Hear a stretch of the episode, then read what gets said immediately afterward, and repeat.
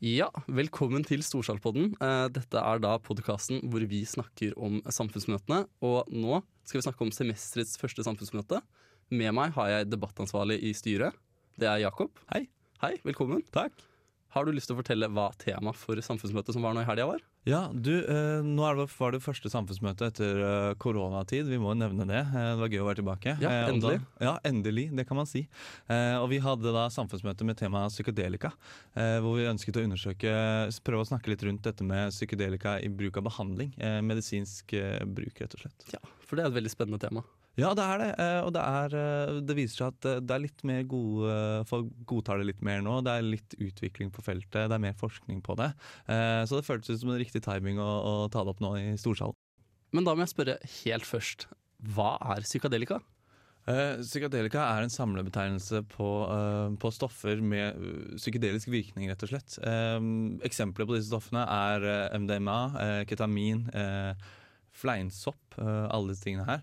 Eh, og det brukes eh, for å fremkalle hal- hallusinasjoner, blant annet. Da. Det er et av virkeområdene til, til psykedeliske stoffer. Yes, Og er, du nevnte at det skal snakkes om medisinsk bruk, og ikke rekreasjonelt. Ja, det vi ønsket, eh, Først og fremst er det viktig å påpeke at eh, rekreasjonsbruk, bruk og oppvaring av eh, psykedeliske stoffer til rekreasjonsbruk er fremdeles ulovlig. Altså, det, det er jo absolutt ulovlig. Det er veldig ulovlig. Så ikke gjør det. Så ikke driv med det. Det, det er dumt. Men vi har også, da, den medisinske behandlingen er veldig lovlig innenfor legemiddellovgivningen. Ja. Og dermed så ønsket vi å se på hvilke muligheter eksisterer. Hva, hva kan fremtiden bringe av behandling av traumer og depresjon og disse, rett og slett innenfor psykoterapi. Yes, Det er et veldig spennende felt. Absolutt. Og det, og det skjer en del her nå. Det kommer en digert studie, EU har satt i gang et digert studie nå for å sjekke um, hvordan man reagerer på det i bruk av behandling.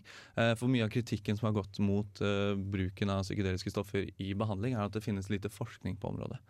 Ehm, det viser seg ikke være helt sant, eh, fordi nå er vi inne i det som kalles eh, bølge to av forskning på psykedeliske stoffer. Eh, bølge én kom på 40-tallet allerede. Så det var fra, den er fra ca. 49 til 67, da. Den første bølgen. Og da kom de fram til at det er ingen store negative effekter ved bruk i behandling. Eh, men så fikk psykedeliske stoffer litt, et litt dårlig rykte på seg gjennom hippiebevegelsen Ja, og, og, og den eh, hva skal vi si, eh, peace and love-bevegelsen, rett og slett. Dette har jeg sett en dokumentar på, så jeg Ja. vet at det var da eh, regresjonen kom. Ikke sant? Og da kom Nixon med War on Drugs, blant annet, Ja. som gjorde at det stagnerte fullstendig. Så det, er, det har vært litt mer bevegelse de siste 30 årene nå, men vi har gått glipp av veldig mye forskning som følge av den litt restriktive holdningen på, i Nixon-administrasjonen. Ja, men du, hvorfor trenger vi et samfunnsmøte om akkurat det her? Eh, Det er et veldig godt spørsmål. Eh, I utgangspunktet så var dette et møte som skulle vært i våres, eh, men som ble avlyst pga. koronasituasjonen. Eh, Og så valgte vi å ta opp tråden nå i høst, rett og slett, for vi syntes også temaet var såpass interessant. Ja, men det er jeg enig i. Ja, det er kult. Altså. Og så er det jo det er, Vi snakker om veldig innovativ og interessant forskning på et felt som bare blir større og større. Eh, og det, vi vet jo at det er mange som sliter med depresjon, som sliter med avhengighet, som trenger, eh, som trenger psykologisk behandling. Eh, og da er det morsomt eh, å, å undersøke et felt av psykologien og psykoterapien som er ganske snever foreløpig, som ikke har fått så stort fotfeste i, eh, rundt om i, i, hos psykologer. Eh, og vi vet også at de som går psykologi i dag, som utdanner seg til eh, å bli psykologer, de hører veldig lite om det. Ja. Eh, så derfor ønsket vi oss å rette søkelyset på et veldig innovativt og interessant felt med stadig større forskning. Rett og slett se om psykadelisk behandling kan erstatte psykologisk. Ja, eller det blir Eller fall blir tilskudd, da. Det blir et tilskudd, Ja. og det er på en måte en måte å, å, å behandle på. Ja, Det høres veldig bra ut. Mm.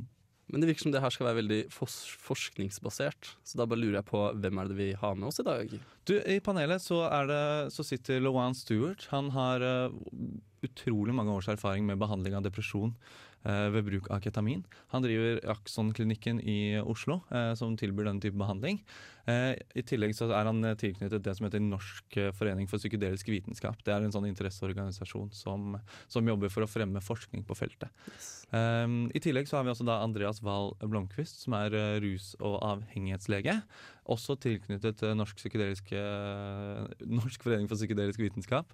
Eh, og han, også, han har også skrevet boken som heter 'Ulovlig medisin'. Ja. Eh, så to bautaer på feltet, egentlig. Veldig spennende. Mm. Eh, det er du som er debattleder, antar jeg? Ja, jeg sitter og styrer litt ordet fram og tilbake. Og så har vi eh, to veldig interessante og gode innledere. I tillegg så får vi jo spørsmål fra salen, så det er jo spennende. Da sier jeg tusen takk til deg, og så er det bare å snurre film, ikke sant? Ja, kjør på. Yes, kjør på.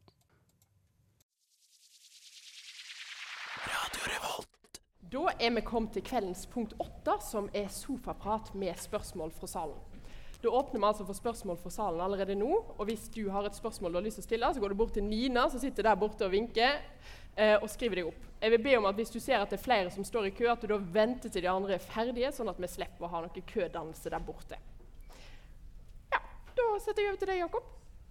Ja, tusen takk. Uh, først og fremst velkommen tilbake til den første sofapraten siden mars. Det er jo veldig hyggelig å være tilbake uh, om et så interessant tema. Tusen takk for uh, flotte innledninger. Det gir oss mye å prate om nå, så vi får egentlig bare sette i gang. Det første jeg skal spørre om til Luan, jeg vil gjerne, hvis du kan utdype litt mer, for begge dere touchet litt på dette med hvordan psykedeliske mm, stoffer påvirker kroppen. Kan du snakke litt mer om hvordan det påvirker fysiologisk og psykologisk? Uh, yes. Uh, so, um, so first of all, you know, psychedelics are really, you know, you did, did a good job of introducing them. They're they're um, they're difficult to describe, like what what actually are psychedelic substances, and um, you know, the the common denominator. So many of them work in different mechanisms uh, in the brain on different receptors. Um, the classic psychedelics are similar, but the uh, uh, some of the other ones, and there's many new synthetic psychedelics that are very different in the ways that they work in the brain, um, but they all have uh, sort of a common denominator of altered perception, uh, cognition, different um, new perspectives, uh, and psychedelic. The word itself is really defined by a mind expanding experience. So something that actually gives you, you know, expands your consciousness in some way, new, different ways of thinking, feeling, experiencing the world. So ver- that's the difference between them and you know all other drugs that sort of most, you know, opiates sort of take you down, make you feel good. Stimulants take you up, and then psychedelics take you sideways. Uh, so th- in terms of effect on the on the mind, physiologically, I mean, in, on the body, there's well, uh, neurophysiologically, it's it's really complex. So I d there's not really time to go into that. But um, yeah, any other? Nei, um, fysiologisk så gjør de ikke så mye med kroppen. Så du, med psilocybin og LSD så kan du se litt økning i puls og blodtrykk, men veldig lite organpåvirkning utover det. Alt Eh, foregår i hjernen, på en måte. Ja, moroa foregår i hjernen. Eh, og psykologisk. Eh, og det er veldig vanskelig å beskrive. Så hvis du har Du kan ganske lave doser eh, og da være relativt deg selv, men da vil du Det første du merker, være kanskje litt stimulert, litt mer våken, litt mer til stede. Eh, farger vil oppleve kanskje litt sterkere. Kontrastene vil bli tydeligere. Eh, og så etter hvert som du går opp i dose, da, så begynner du å se at, at sansene blir litt sånn blanda. Du kan kanskje oppleve at du ser lyder. Eh, du kan få forsterka følelser som kan svinge. Eh, du opplever deg mer analytisk. Du kanskje ikke kjenner deg selv helt igjen. Så går du videre opp på dose, så, så begynner du å få litt sånn egodød, eh, grunnleggende oppfatning om tid og rom eh, begynner å skifte. Og da, da, vi, da har ingen et referanse lenger for hvordan det oppleves. da. Men, men det er dit du kommer. Ja, skjønner. Eh, Jeg skal få ta det litt videre på arbeidet ditt, eh, Loan, hvordan du jobber med terapi. Eh, og du har jo veldig mange års erfaring med bruk av psykodelika i, i psykoterapi, rett og slett. Hva slags mennesker er det som oppsøker din klinikk i Oslo? Um, yeah, so uh, in the U.S. we're a little farther ahead in this uh, arena. So we we uh, use. Uh, so now I'm talking about ketamine. So we use it for a variety of different uh, mental health disorders: depression, anxiety, OCD, PC, PTSD, um, uh, and addiction. The treatment of addiction. And the, you would think, why would a drug? uh, You know, usually when a drug is good for everything, it's it's too good to be true. It doesn't make sense. Um, but ultimately, like what all these drugs, including ketamine, do is decrease the rigidity of you know sort of our rigid thought patterns and if and behavior patterns and feeling patterns. And if you have a um, uh, a pattern that you're stuck in, uh, whatever it is, whether it's um, anxiety pattern or an addictive pattern, um, these drugs can can disrupt that and and give you more flexibility in the way of thinking, feeling, behaving. Um, Gir det en utvei, på en måte? Mhm. Gir det en utvei? Yeah. Uh, so one uh, uh, metaphor I like to use is is uh, is is like snow over uh, a track in the snow. So you know you go down the same path again and again a million times, and that that ski spore becomes so deep you can't go to the right or left. You're just stuck in it, and you develop these sort of patterns in your brain. And, and psychedelics can be sort of like a fresh layer of snow over these paths, and so it doesn't erase anything. Those paths are still there, but you don't have to go down there. You could go to the right or the left. In Norway, it's um, because we're a little early on in this process. Uh, we're primarily using it for treatment-resistant depression, uh, some other indications, but r- really people that tried an antidepressant or psychotherapy and it didn't work, and that's who I'm treating here. Eh, Andreas, du kan jo litt om, du skriver jo denne boken 'Ulovlige, uh, ulovlig medisin'. Er det potensial for psykadelika innenfor andre deler av medisin? Andre deler enn psykiatri. Rett og slett. Uh, ja, så Kroniske smerter for, med LSD har det, var det noen studier på i 50-tallet som var lovende. En anestesilege som har noe lovende å vise til der, men som ikke har blitt fulgt videre, så vidt jeg vet. Ehm, så er det noen som selvmedisinerer seg. Eh, konkret noen som har en type hodepinetilstand som heter klasehodepine. Eh, der er det rapportert at eh, dette kan faktisk avbryte et hodepineanfall. Det er ganske sjeldent. Denne hodepinetilstanden er såpass alvorlig og sterk at den kalles selvmordshodepine. selvmordshodepine. Ehm, og vi har ikke noen god medisin mot den. Og det er noen uh, observasjonsstudier som kan indikere at det har noe verdi der.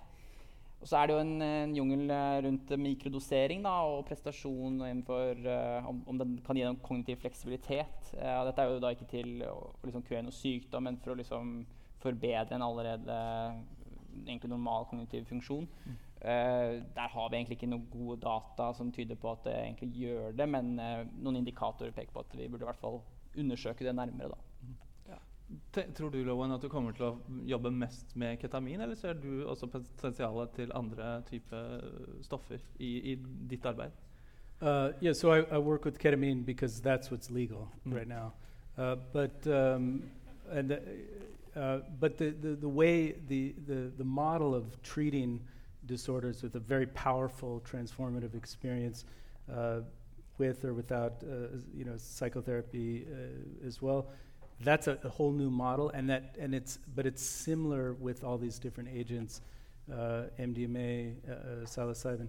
Both of these drugs are going to be approved in the United States very soon based if the studies we're doing uh, uh, are have the results we think they are. Um, you know literally within five years psilocybin and MDMA are going to be prescription medicines in the in the U.S. shortly after in the European uh, the European Medicines Agency, and this is happening right now. So many people don't know; they think you know this is happening somewhere. Maybe they heard about studies that are happening, but this is happening in in Norway. There, uh, you know, we have a research group at Sikus Osvold. We are on three clinical trials. Um, international trials, one led by Oxford University with psilocybin. It's the biggest trial on psychedelics ever done uh, in history. And, you know, our, um, we're actually, that particular trial, we're going to be on the phase three of it, not the, the current phase of the trial. Um, but, and uh, with MDMA, uh, with PTSD as well. So this is actually happening in, in Norway. And once it becomes something that can be prescribed, in the sh- near future, then yes, people will be using all of these drugs in the appropriate settings. Uh, you know, very well trained doctors doing this, uh, but it will be something that's part of medicine. Eh, jeg vil bare minne, på, eh, minne om at talerlisten er åpen, så det er mulig å tegne seg for spørsmål. Eh, Sander Bjerknes kan gjøre seg klar til å stille sitt spørsmål. Eh, men jeg vil også spørre deg, du har drevet med dette i veldig lang tid. Eh, hva har endret seg fra, du, fra da du startet til nå? Um, uh, well, let's see. I guess I just in terms of Norway, uh, where I've been focusing here the last five years, the um, uh, you know there's an incredible amount of uh, opposition, skepticism. Um, there's a lot of mythology involved in psychedelics. So, uh, so initially it was very difficult to even have conversations with doctors, with psychiatrists, psychologists about this topic. Um, but uh, literally, you know, every month a new study comes out. So there's more and more uh, support for the evidence behind what we're doing, and you know, it, it, it came it, it from over the last five years. You know, it's gotten to the point where now we have a psychedelic research center at Osvold, part of, part of Helsesor Ost, that's happening right here in Norway. And you know, we had a we wrote an article uh, that was on the front cover of the Norwegian um, the Tidsskrift for the Norsk Legeforening, front cover about psychedelics and medicine. So that has changed over the last five years. Now it's okay. This is actually happening. There's actually research that's being done, um, and so people are now getting more excited about it, and that skepticism is sort of, i- which is good to be skeptical of all new science, but um, it's becoming less and less as more data comes out. Så bra. Da tar vi første spørsmål fra salen. Sander Bjerknes. Og så minner jeg om at det er lov å tegne seg for spørsmål. Yes. Um, this one goes out to you, uh, Lowen. Uh, when, when I've talked about uh, ketamine or ket, a word or a phrase that has been uh, thrown around a lot of times is uh, cat hole. Have you heard about this uh, phrase? And can you, as a professional, uh, tell us about what this is? The K hole, yeah. So the K hole is where I put people uh, every day in the clinic, uh, which is basically, um, I mean, it's just a, recreational term for um, the complete disassociation uh, that people can experience with uh, high doses of, of ketamine, uh, which is where you are literally outside of your body, maybe in another dimension, maybe floating in the through the universe, uh, but uh, or actually to the point where you literally cease to think or feel, and you just are conscious. So you're aware, but there is nothing, uh, and that's a very difficult experience to describe. And for some people, particularly in recreational settings, it's a terrifying, you know, really anxiety-producing experience to feel like have I died? Do I exist? Um, it, but that's actually a point that I get all the patients to in my clinic, which is, you know, because we think there's a correlation with a positive response um, at these higher doses, having a more powerful experience. And, um, and in that setting, it's actually when people are appropriately prepared for this experience and know that they're going to come back, they're going to be okay, they're not going to die, it's only going to last an hour and uh, then it it um, is most of the time a, a very positive and sometimes powerful, beautiful experience. Eh, Andreas, eh, vi snakket, eller det ble nevnt tidligere at eh, MDMA er klassifisert av Food and Drug Administration i USA som breakthrough therapy. Hva, hva betyr egentlig det? Hva menes?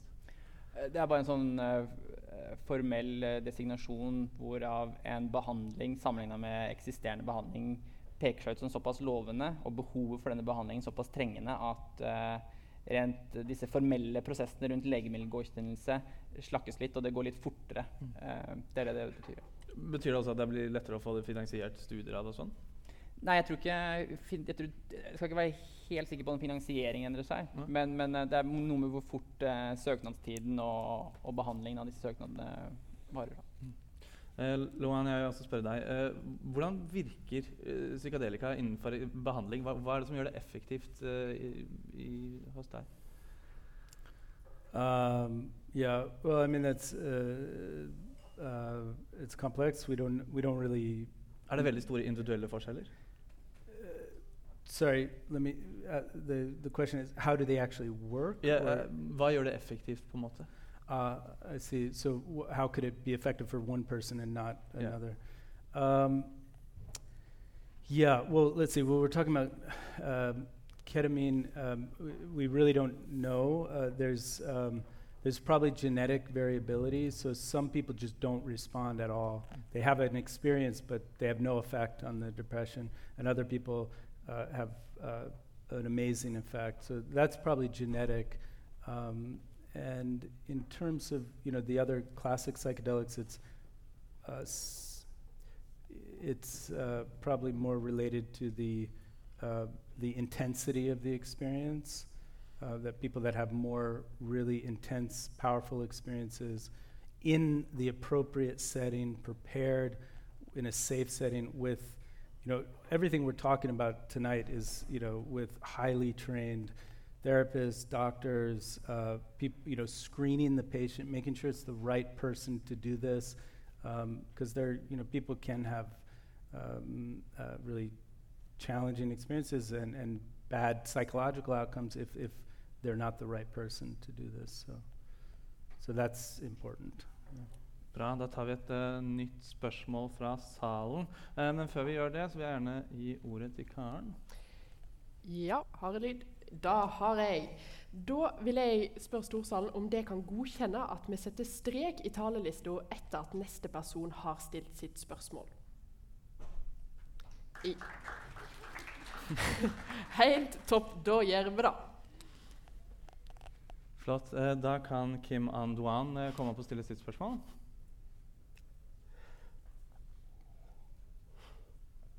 Og så kan eh, Mari Eggan gjøre seg klar. Ja, hei. Eh, Jeg bare lurer på om det er noen spesielle effekter av å kombinere de forskjellige psykedeliske stoffene. Om det er noe medisinsk eller et eller annet. Ja, så øh, Medisinsk så pleier man ikke å kombinere disse. Rekreasjonsmessig så er, vil jeg advart. Uh, det er noen kombinasjoner du skal holde deg F.eks. Eh, ketamin, som er, gir dissosiative effekter. Hvis du dissosierer mens du er på en høy syretur, så kan det oppleves eh, svært skremmende, uforutsigbart og vanskelig å håndtere. Så det, det, det er kun for de som er veldig trent. Eh, og så vil jeg påpeke at eh, så er det noen som kombinerer f.eks. psykedelika med MDMA. Og MDMA det sies å ha en, en, en eh, gunstig vekselvirkning. Eh, du må da gjerne gå i lavere dose på begge to. Og så er det litt sånn med timingen, da, så ikke du kommer ned på den ene når du er på vei opp på den andre. For eksempel. Så, men det her er ren rusbruk. Det er ikke noe som man har forska på sånn skal kombinere stoffer. av den typen. There, there's one trial right now happening or in recruitment on a combination of either psilocybin or LSD and MDMA. So Mhm. they're they're working on that, but uh, I don't think uh, I don't think they've started. Uh, Mm. but in general, uh, we don't we know very little about the combination of of these things. Um, it's it's uh, yeah. So we we really don't know a lot, and um, there can be there's a lot of dangers. as- Uh, each of these agents have specific dangers when associated with other things, and um, you know uh, whether it's co- combining with alcohol or opiates or or uh, or other medicines. People have to be really careful about combining with uh, other medicines that they're currently on uh, with some of these uh, psychedelics. So, um, so, but uh, yeah, it's very complex, and each one has its own um, uh, risks associated with it. But there may be therapeutic benefits to combining these, and people have also talked about combining in a therapeutic way. So, you know, we use ketamine and psilocybin uh, for depression, or we're uh, soon maybe uh, using psilocybin. So it talked about maybe using ketamine first. It works within hours for some people, and then maybe following up with a psilocybin session the following month or something to extend the, the duration of the positive effects. So there's there there will be research on this, but right now we don't have kan jo nevne at det er noen, De to siste studiene som jeg har sett på med bruk av psilocybin, har brukt det i forbindelse med meditasjonspraksis. så Da bruker de egentlig psilocybin til å så, eh, gjøre personen mer åpen og undrende, løsne på den rigiditeten. Eh, og så mater de med noe som er nyttig, som de kan holde på med, som ikke innebærer rus. da, F.eks. Eh, en meditasjonspraksis. Og det ser ut til å ha veldig nyttig, eh, nyttig kombinasjonseffekt der. Da kan Mari Eggan stille sitt spørsmål. Ja, Vi må bare sprite imellom. Men da tar vi, vi tar et kjapt spørsmål fra meg først. Uh, siden vi må sprite imellom. Dere er jo begge tilknyttet dette som heter Norsk forening for psykedelisk vitenskap. Andreas, kan ikke du forklare litt hva det er, og hva dere driver med? Det er en uh, forening som arbeider for å fremme psykedelisk uh, vitenskap i Norge, men også internasjonalt. Vi forstår at det er mye interesse for å, drive med forskning og kunnskapsspredning om dette, så vi har en forening der vi driver med nettverksbygging, holder foredrag. Eh, ja, eh, og det er vel de, de som driver med egentlig i hvert fall klinisk forskning på psykedelika i Norge, det, alle er jo tilknytta NFPV. Jeg vet ikke om du vil si noe mer om foreningen? Um, yeah, so you know the the idea is that um, uh, to really so that people can uh, connect, uh, people that are interested in this, people that are currently uh, researchers, uh, professors, students, um, and that they there can be an, you know an academic organization that um, helps uh, people start new projects. Um, um, and uh, connect also with international researchers uh, in, in, this uh, in this area, and uh, and and also just to, to let people know that this is is actually happening here in Norway. Uh, it uh, you know we've been working on these projects for many years already, um, and it's coming close, but we you know this is coming to Norway, and and um, it, that will be a, a connecting point for everybody. Bra. Uh, Mari Egan, da kan du stille ditt spørsmål. Og så kan eh, Eirik Sande gjøre seg klar. Hei. Um, på et tidspunkt uh, i innledninga deres så tenkte jeg jøss, yes, det her uh, hørtes jo voldsomt uh, gøy ut å ha en så stor, fantastisk opplevelse. Jeg vil det som en vanlig, frisk person, vil det ha noen fordeler, eller vil det på en måte være såpass farlig, da. Eh, eller ha noen negative eh, effekter. Eller kan man bare prøve, hvis man har lyst.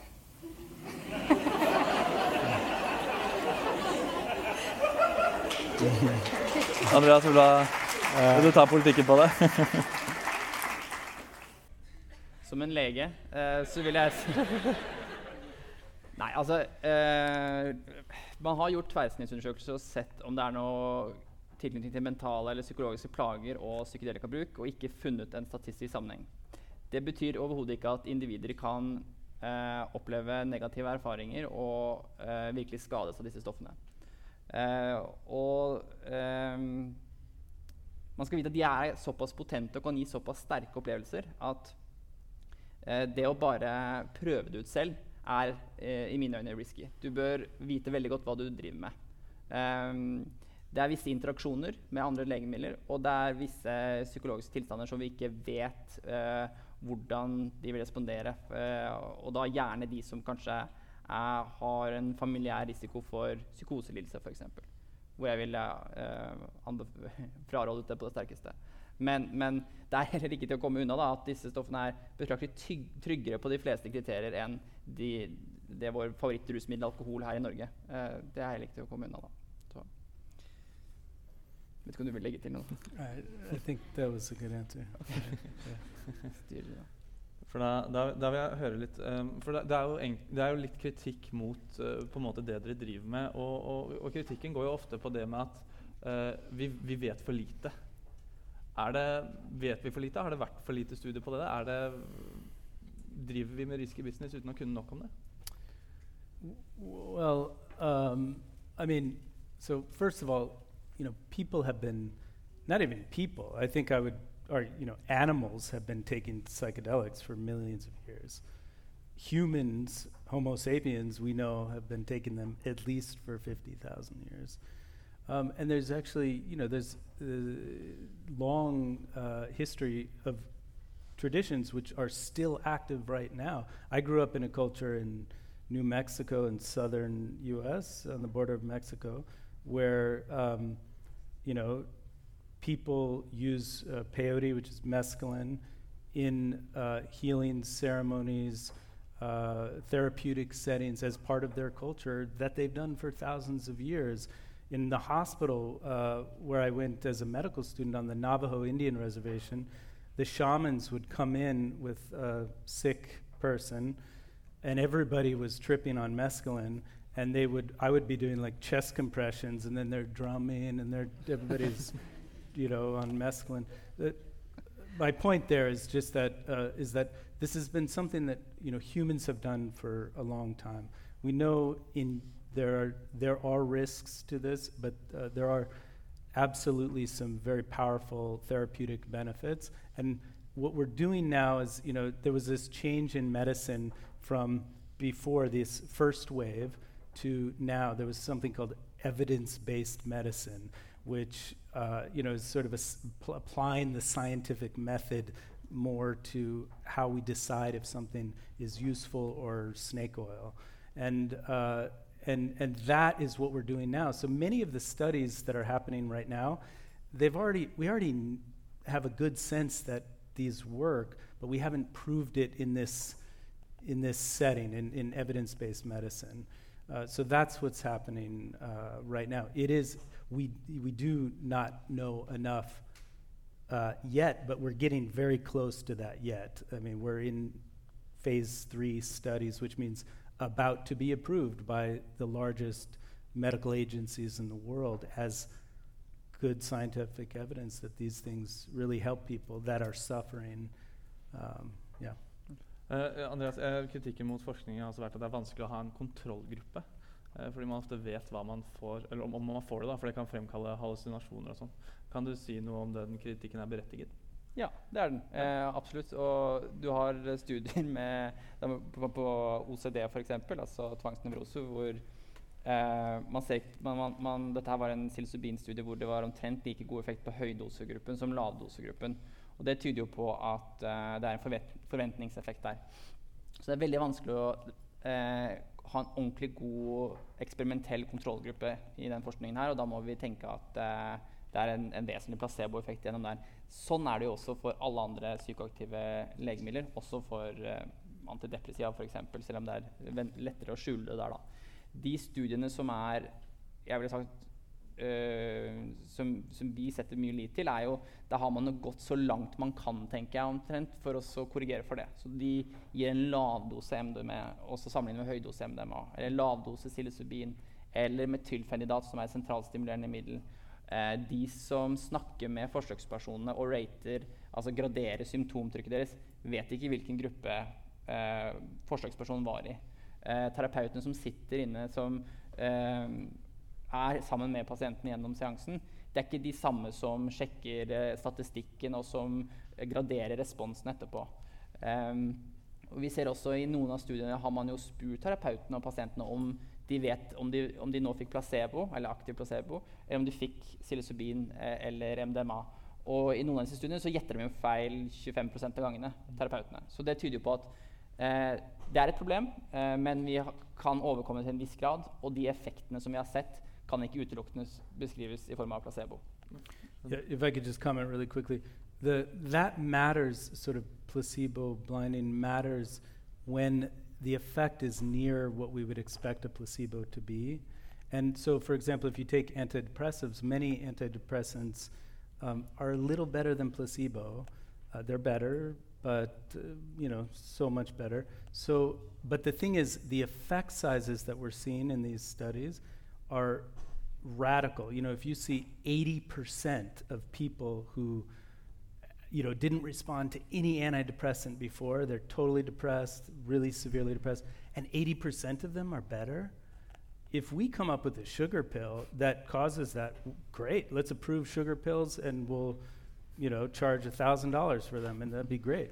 so, so the, the it's the effect sizes are so big that that it doesn't you can't account for that with just placebo. That's uh, Ja, altså, noe med varigheten av effekten òg. Vi måler at det er seks måneder etterpå. Eller eh, studien på, på røykeavhengighet. Eh, der er en oppfølgingsstudie der de har ikke røyka to og, år, et- to og et halvt år etterpå. Så ja, altså, Hvis det var placebo, så var det fint, men de har jo slutta å røyke. Så, så lenge effekten er der eh, og, såpa, og varer såpass lenge, så ja, Det er bra. tyder det lite på at det er bare placebo. Ja, skjønner. Eh, da tar vi neste spørsmål fra Eirik Sande. Inga Mageli kan gjøre seg klar. Ærede sosial, mitt navn er Eirik. Eh, psykedeliske stoffer høres jo egentlig ikke så veldig mye mer eh, farlig ut enn eh, Paracet i det, så langt i det møtet her. Men rusutløste, eh, rusutløste psykoser og bad trips er jo noe man kanskje også gjerne forbinder med, med psykedelika. da. Vi som har sett eh, Den store revejakta, f.eks. Eh, den ender jo med at eh, bad guyen klorer ut øya sine etter å ha tatt for mye LSD.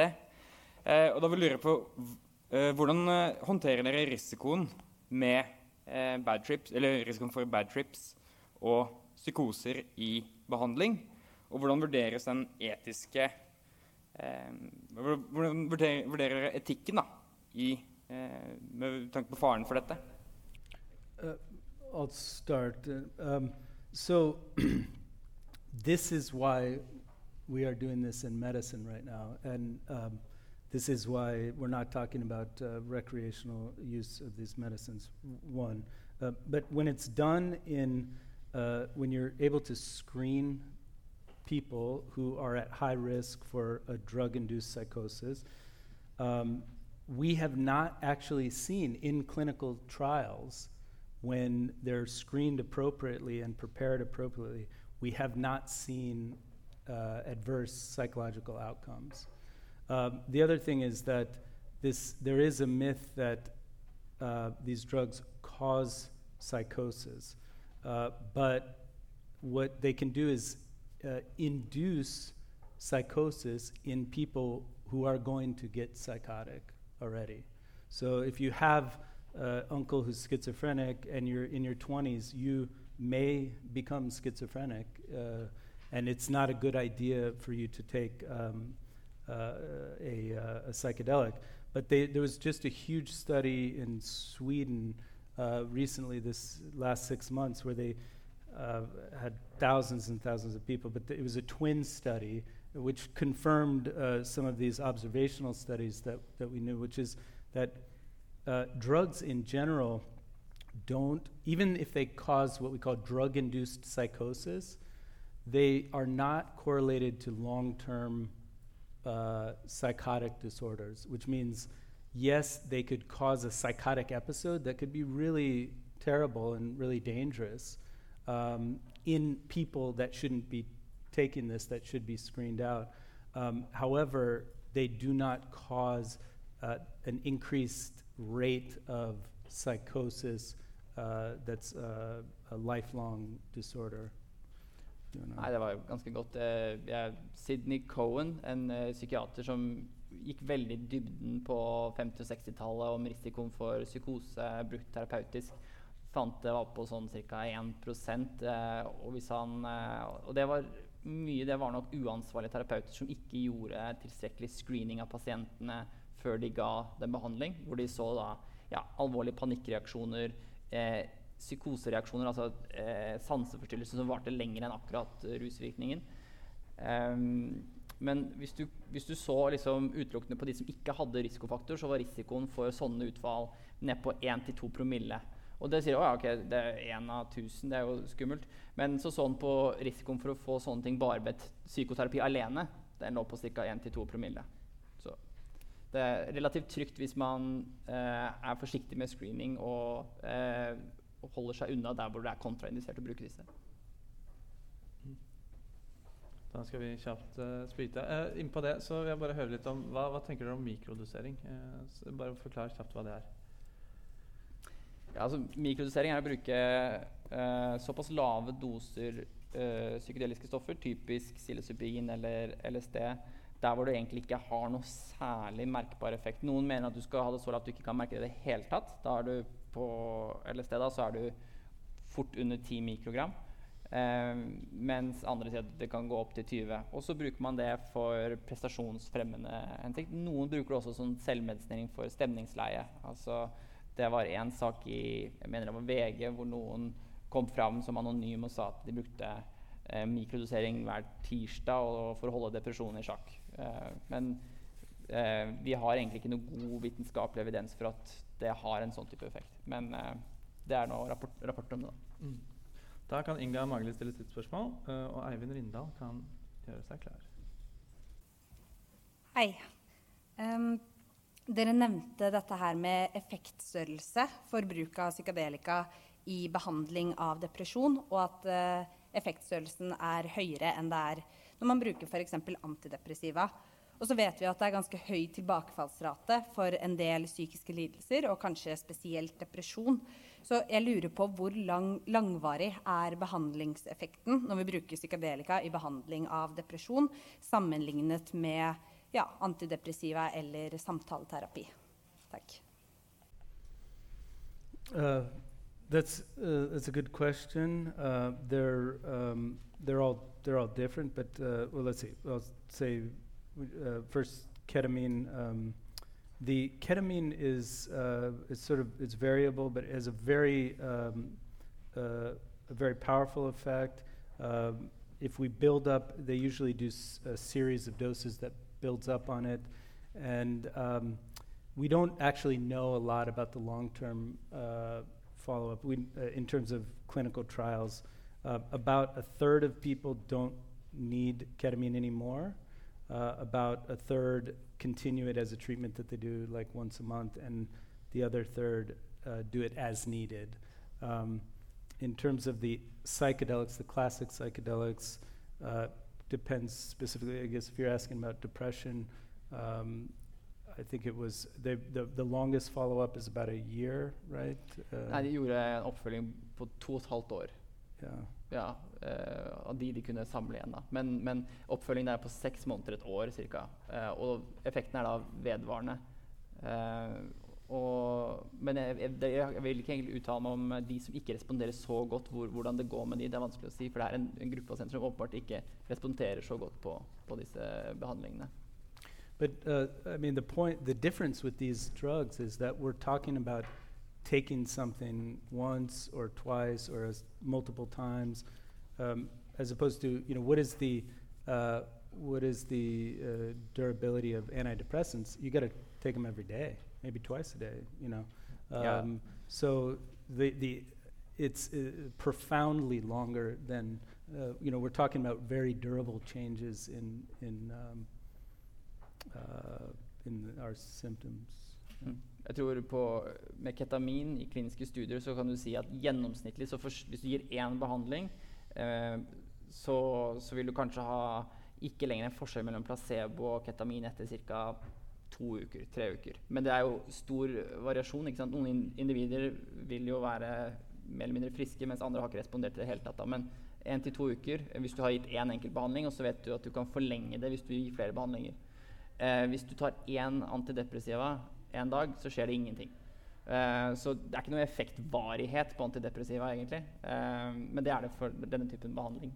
Og i, sånn, i størrelse så fikk jeg sånn For å tallfeste det, så bruker man sånn eh, eh, standardmål. Og det er ikke så viktig hva disse betyr, men de er jo nyttige på en måte for å få det i perspektiv. Da. Så hvis du ser på metaanalyser av typiske antidepressiva, så ligger de på en effektstørrelse på 0,3, mens ketamin ligger like etterpå på et sted mellom 0,9 og 1,3. Så i hvert fall tre-fire ganger så, så potent. Og så faller den etter hvert til Når det kommer to-tre uker, så går den ned til, til eh, det samme som med placebo. da. Om ikke du får en ny dose. Sånn på gruppenivå, da. Kan denne type behandling være avhengighetsskapende? Uh, so not psychedelics. So classic psychedelics, no. Um, ketamine has a very low. um so there, it can be um, addictive when used daily uh, in a recreational um, uh, manner. Er det pga. dosestørrelsen? Uh, and, and the how often you're using it, but in the way that we use it in a medical setting, uh, no, because uh, you do it uh, only uh, a number of times, and there's and you can only do it in the clinic. So um, so no, we, we have not observed uh, addiction when given in this uh, in this setting. Um, it's not something that, that we see. Da kan Eivind Rindal stille sitt spørsmål. Ærede Storsal, mitt navn er Eivind. Først så vil jeg jo takke for to spennende innledninger. Eh, Og så er det jo da Ja, dere er jo medisinere, begge to. Og så kommer jo jeg da som sånn dragvolling da fra humaniora og samfunnsvitenskapene her og tenker OK, jeg har et spennende spørsmål, men jeg vil utfordre dere litt. Kanskje dere kan eh, hjelpe meg litt her. For hva er konsekvensene av eh, i et samfunn da, for eh, ved utstrakt bruk av eh, psykedeliske stoffer? Eh, Det er jo vært mange kulturer gjennom historien hvor eh, det i forbindelse med rituelle praksiser, men også eh, medisinske praksiser, har vært en utstrakt bruk. Og også kanskje ikke Vi må også ikke glemme at det også har vært praksiser langt nærmere oss enn det vi kanskje går og tenker på til vanlig også. Så da er spørsmålet hva er egentlig, sier forskningen om samfunnspåvirkningen av eh, psykedelika? Og, og så man noen tegn som kom fram etter Kall den første psykedeliske bølge på 60-70-tallet. Eh, tenker du på rekreasjonsbruk eller medisinsk bruk? Eh, Her er det vel både å se på det medisinske, men enda mer interessant er det jo å se hvis man skal ha et samfunnsperspektiv, litt større, et større plan. da. Og da vil jo rekreasjonsbruk eh, eller kulturell og rituell bruk eh, være eh, Kall det gi mer eh, evidens da, på, et, eh, på et makronivå, da. Uh, super interesting question. Um, you know, some of the things that are coming up right now, they're doing. Um, there's been a couple studies where they um, they showed that uh, psilocybin use was, um, and this is uh, in clinical studies, that it was um, associated with one um, an increased sense of what's called nature relatedness um, that you know an, an increased sense of feeling of connectedness to our planet, our world, and that is actually something that you know you could postulate that if that's something that is a a lasting change that you get from even if you do this in a medical setting, um, you know maybe that's what our planet, our society needs right now is people feeling a little more connected to uh, other people. Um, uh, uh, our natural environment. Uh, there's also a study on um, what was it? The one on um, uh, political. Um, yeah, uh, that that after after the psilocybin treatment that the, that people were more likely to. Uh, um, it, it was. Um, to, to, to have like more progressive values. Uh, I think this was Robin Carhart Harris. I, I don't, Yeah, I don't remember. But but it's a, there's interesting. Yeah, what are the consequences? That's Mm. Jeg, Ja. jeg, jeg tror noen av de eh, Den ene gruppen som, som man kan si i hvert fall eh, ga psykedelika et dårlig rykte, var jo en gruppe forskere, Richard Alpern, eh, Timothy Leary og andre, som til slutt eh, ble så overbevist om at dette her var så nyttig at eh, de kasta alle regler og vanlige vitenskapelige metoder. Og, og det, eh, det er vel noe eh, vi bør her, disse stoffene utfordrer, men som vi bør holde på. Vi bør være like kritiske og skeptiske som vi er til alle andre stoffer. Men akkurat sånn situasjonen er nå, så er man jo mer sånn overskeptisk, fordi man sitter i allmennheten med den der troen at disse stoffene er unikt farlige, og du får sånn permanente bad trips, og alle har hørt om eh, onkelen til fetteren som uh, hoppa fra? Det, det må vi liksom bare få kommet over, men vi må ikke slakke på de vitenskapelige kravene for å drive forskning. Da. Har det for dårlig rykte rett og slett til at man gidder å holde på med det? Ja, ikke bare et dårlig rykte, men, men tenk også at eh, for dem som er helt ukjente til dette tematikken, er sånn, bare det å høre, selv om du er lege, at jeg tenkte å bruke rus til å behandle depresjon. Det første du tenker er, det høres jo ikke ut som en veldig god idé. Og, og dette her er jo en type terapi hvor faktisk rusvirkningen er det vi søker. Mens i alle andre tilfeller, selv med smertestillende som opioider eller benzodiazepiner som mot angst, så er rusvirkningen noe vi egentlig ser på som en bivirkning, ikke som en virkning. Søker du opp eh, cannabisbaserte legemidler i felleskatalogen, så står eufori, altså en sterk følelse av glede, under bivirkningslista. Så vi, vi har jo en helt annen Det dømmes på forskjellige grunner. Ja, det gjør det. Ja. Er jo, det er jo et veldig polariserende tema å forske på. Hvorfor, hvorfor har det blitt så kontroversielt? Er det, er det, er det politikken som måte har hengt bak? Du ser på meg. Eh, det er litt av de tingene jeg nevner. tenker jeg da, At du bruker rus eh, til å behandle eh, lidelser. Det har jo i alle andre tilfeller legemiddelselskapene har sagt at nei, eh, heroin det var ikke spesielt vanndannende. Også godt alternativ til morfin mot forkjølelse. Og det er en sann historie. Det var sånn heroin kom på markedet. Det viste seg ikke å stemme. Og Det samme har de gjort med amfetamin og det samme gjorde de med benzodiazepiner. De til og med lurte oss til å tro at i statene, da, ikke her i Norge, det gikk bra, Eh, at oksykondon ikke var særlig eh, vanlig. Opiater. Opiater, ja, Eller opioid, er dette da. Eh, så vi har en generell skepsis da, når man tenker å bruke rusmidler til medisinske formål. som vi bør ha. Men i dette tilfellet så mener jeg er det er, noen, det er noen kvalitative forskjeller i avhengighetsrisiko. Det er også store forskjeller i hvordan de er tiltenkt å brukes medisinsk. Du skal jo bli administrert dette én eller to ganger. Du skal ikke få med en resept på LSD-piller for neste måned. Så det er veldig forskjellige måter å bruke det på, som også endrer på, på risikoen. da. Eh, vi nærmer oss faktisk slutten, men jeg vil gjerne ta et, uh, et siste spørsmål. Eh, og det er liksom, Hvilke uforløst potensial finnes i bruken av psykadelika innenfor deres arbeid? Har, det, har, vi gått glipp av mye fordi man ikke har villet forske på det? Eller er, det, er vi ganske langt på vei å avdekke hva, hva det kan fungere for? Nei, vi har masse å gå på. Masse å prøve det ut på for å vite hvor, hvor er det det ikke fungerer, og hvor er det det fungerer. Og jeg tror eh, det vi kommer også til å se, er en, en, gren som ikke kommer til å handle så mye om medisin, men om selvutvikling og spiritualitet. fordi noen av disse stoffene brukes jo allerede innenfor noen nyreligiøse grupper. Um, og som jeg nevnte i stad, det er noen studier som kombinerer dette med meditasjonspraksis og sånne ting for å bedre livskvalitet og den typen ting. Eh, om det vil være fruktbart, hvordan det skulle blitt regulert på en trygg måte, forsvarlig måte, det vet jeg ikke. Men, men det er på en måte eh, noe som, som, også er en spennende utvikling. Men jeg tror vi kommer til å se mer.